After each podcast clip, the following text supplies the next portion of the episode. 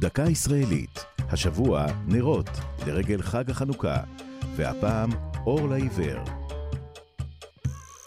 בימי חג האורים התפתחה בארץ מסורת של תשומת לב ודאגה למי שעבורם היום-יום הוא התמודדות עם החושך.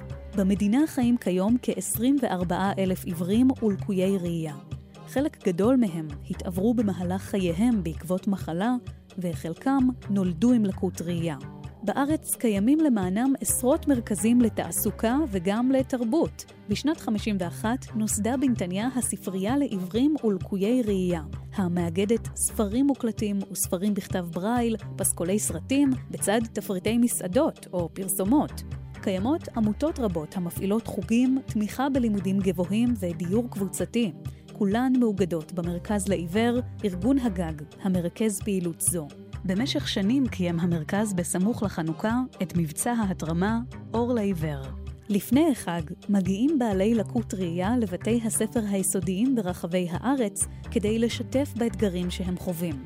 התלמידים, מצידם, משתתפים במבצעי התרמה מדלת אל דלת, ובעבר אף נהגו למכור קופסות נרות חנוכה, שתמורתן הועברה לרווחת לקויי הראייה. זו הייתה דקה ישראלית על נרות ואור לעיוור. כתבה טליה כהן, ייעוץ הדוקטור אילנה גלייטמן, עורך ליאור פרידמן.